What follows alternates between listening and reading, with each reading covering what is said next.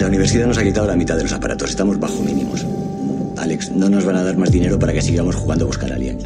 Jugando. Luis Tinoco, que ha treballat en films de Christopher Nolan o Neil Marshall com a especialista en efectes visuals, volia tirar endavant un projecte personal després de l'èxit dels seus curs Malacara i Caronte premiats a diversos festivals.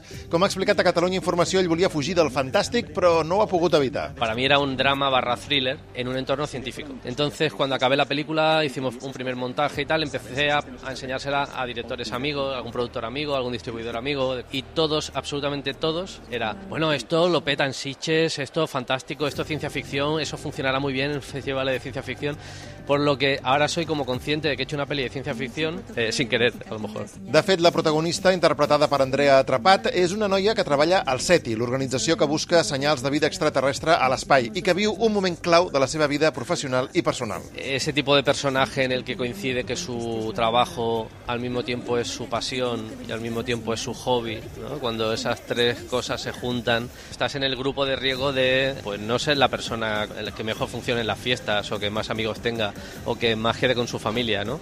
O sea, no se me caen los anillos por trabajar de lunes a lunes, de fines de semana. De... Entonces, a esta mujer, cuando le llega como su mejor momento profesional, al mismo tiempo le llega como su peor momento personal, ¿no? Y un poco ahí un guionista hijo puta, en este caso yo, pues le tiene que hacer elegir. Tinoco és l'home orquestra i juga amb habilitat per evitar la claustrofòbia, incorporant videotrucades i altres estratagemes perquè la protagonista interactuï amb l'exterior. O sea, soy productor, guionista, director.